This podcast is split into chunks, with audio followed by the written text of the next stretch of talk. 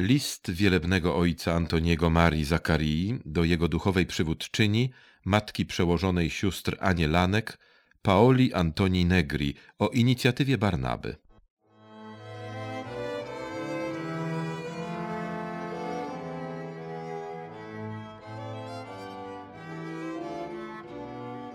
Unica e diletta insieme con le obbedienti figlioli in Cristo salute. Mojej vostro casto jedynej i kochanej matce i mojej posłusznej córce w Chrystusie przesyłam pozdrowienia. Jutro uczcimy wspomnienie świętego Barnaby, cnotliwego towarzysza naszego wspólnego patrona Pawła. Nie mogę się powstrzymać, by nie wykorzystać przy tej okazji sposobu postępowania Barnaby wobec wielkiego Pawła, który chciał być żywym przykładem cierpiącego Chrystusa, zarówno w rzeczywistości, jak i w ocenie innych. Musisz oczywiście wiedzieć, że święty Paweł zaraz po swoim nawróceniu po raz pierwszy udał się do Jerozolimy. Na każdy możliwy sposób próbował dołączyć do innych chrześcijan, poznać ich i być uznanym przez nich jako chrześcijanin, jednak oni byli lękliwi i podejrzliwi i sądzili, że jest jeszcze tym samym prześladowcą i nie mieli odwagi dotrzymywać mu towarzystwa. To Barnaba, prowadząc za rękę Pawła, przedstawił go apostołom i powiedział im: To jest ten, który był, etc. A następnie Chrystus ukazał mu się, etc. I on uczynił to i tamto, etc. W tym czasie Paweł utrzymywał w sekrecie własne zasługi, własną z siebie satysfakcję, nie chlubił się kierowanymi pod jego adresem pochwałami. W ten sposób osobiście przedstawiając Pawła, Barnaba uczynił go znanym wszystkim i ukazał jako tego, który jest filarem Kościoła i jako tego, który osiągnął prawie prymat w misji apostolskiej. W ten sposób, droga matko, jeśli uznasz to za właściwe, chciałbym pokazać ci, z jaką wolnością zachowywali się wielcy święci. Tak chciałbym sprawić, byś dostrzegła, że to, co przez ich wzniosłą doskonałość jest doświadczeniem i pewnym znakiem wypełnionej świętości, może być i naszym udziałem, natomiast okazja możliwego upadku lub pewnego znaku niewyeliminowania naszych pierwotnie zakorzenionych złych nawyków może zdarzyć się i nam, tak jak to zostało ukazane w historii opowiedzianej przez świętego Jana Klimaka na temat pewnego świętego, który czuł się tak dalece pewny, że jest wolny od obżarstwa, że próbował kusić diabła gronem winogron, by sprawdzić, czy ten ostatni będzie go kusić w ten sam sposób.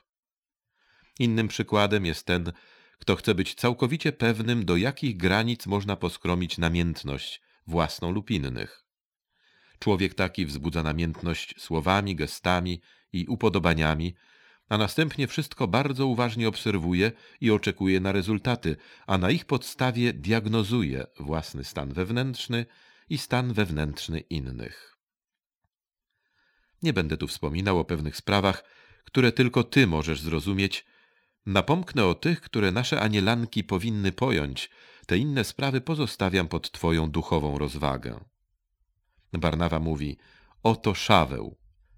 To jest prawdziwe oblicze naszego starego człowieka, zwierciadło naszych pierwotnych złych skłonności i namiętności. Spójrz, wytłumaczę ci, czy byłby świętym ten, kto prowadzi rozmowy na ten lub ów temat. Ona szczebiocze bezustannie jak skowronek lub małpa, rzadko widziana jest na modlitwie, zawsze zajęta zewnętrznymi sprawami. Lubi dużo spać, a nawet leżeć leniwie w łóżku. Czy nie jest to twarz Szawła, obraz naszego grzesznego starego człowieka? To jeszcze nie wszystko. Ona chce być obsługiwana. Jej cela jest komfortowo wyposażona. Ona sama przemawia zawsze z wymówkami, nigdy nikogo nie pocieszy, lecz pokazuje, że nikogo nie szanuje. Więc jak myślisz, co te zachowania mogą oznaczać, jeżeli nie to, że złe nawyki dawnego człowieka mają w dalszym ciągu władzę nad nią? Ponadto ona nigdy nie jest zadowolona, zawsze narażona na pokusy, a jej wiedza duchowa jest mglista i wątpliwa. Jednym słowem, daje wyraźne znaki, że jest tą samą osobą, jaką była, nim założyła habit lub co najmniej jest wciąż tylko niedoskonała bez najmniejszej przemiany. Jej żołądkowi sprawia przyjemność tylko to, co najlepsze. Co więcej, to świadczy, że jest niesamowitym żarłokiem. Z trudem może opanować wyraz gniewu na swej twarzy, nie umie uklęknąć bez oparcia się na krawędzi krzesła. Jest tak wrażliwa, że z łatwością podnosi się jej ciśnienie. Czy to wszystko nie ukazuje tylko jej wielkiej słabości moralnej? Zobacz sama, czyż to nie jest prawdą?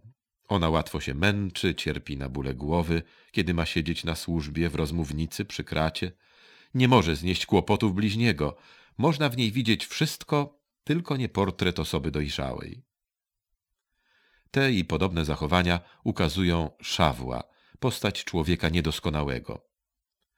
Ale zamilczcie, mówi Barnaba, nie zapominajmy, że właśnie takiej osobie ukazał się Chrystus i tak dalej.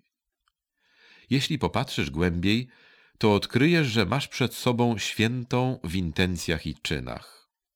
Jeśli zadasz sobie trud, by zrozumieć ją w każdym wymiarze, w jakim przedstawiam to biedne stworzenie, jestem całkowicie pewny, ona zarumieni się i pochyli głowę, by ukryć swe prawdziwe oblicze. Ale zważ, kiedy ona mówi, nie wzrusza cię i nie pobudza głęboko. Kiedy mówi bez sensu, jest całkowicie świadoma twojej sytuacji i odpowiednio pracuje nad tym. Patrz, czy w swoim niepokoju nie osiąga czegoś nowego dla siebie i innych.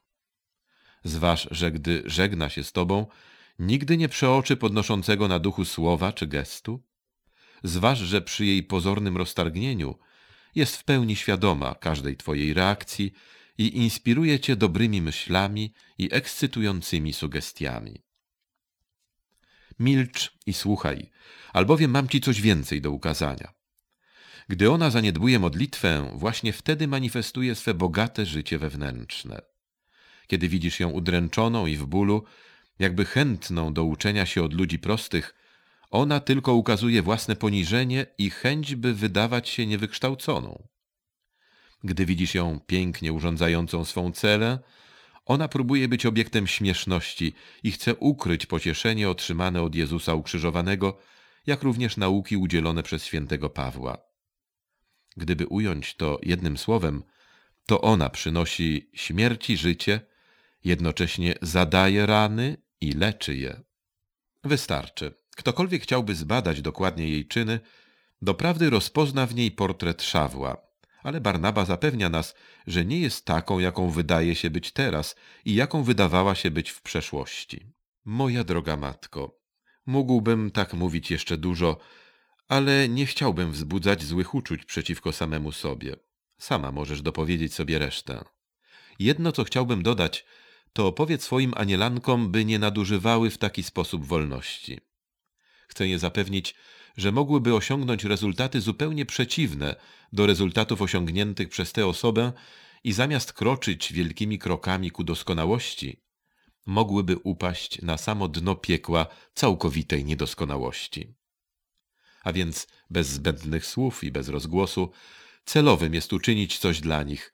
Działanie, mówienie i myślenie bez kontroli wewnętrznej i zewnętrznej staje się dla nich niekorzystne.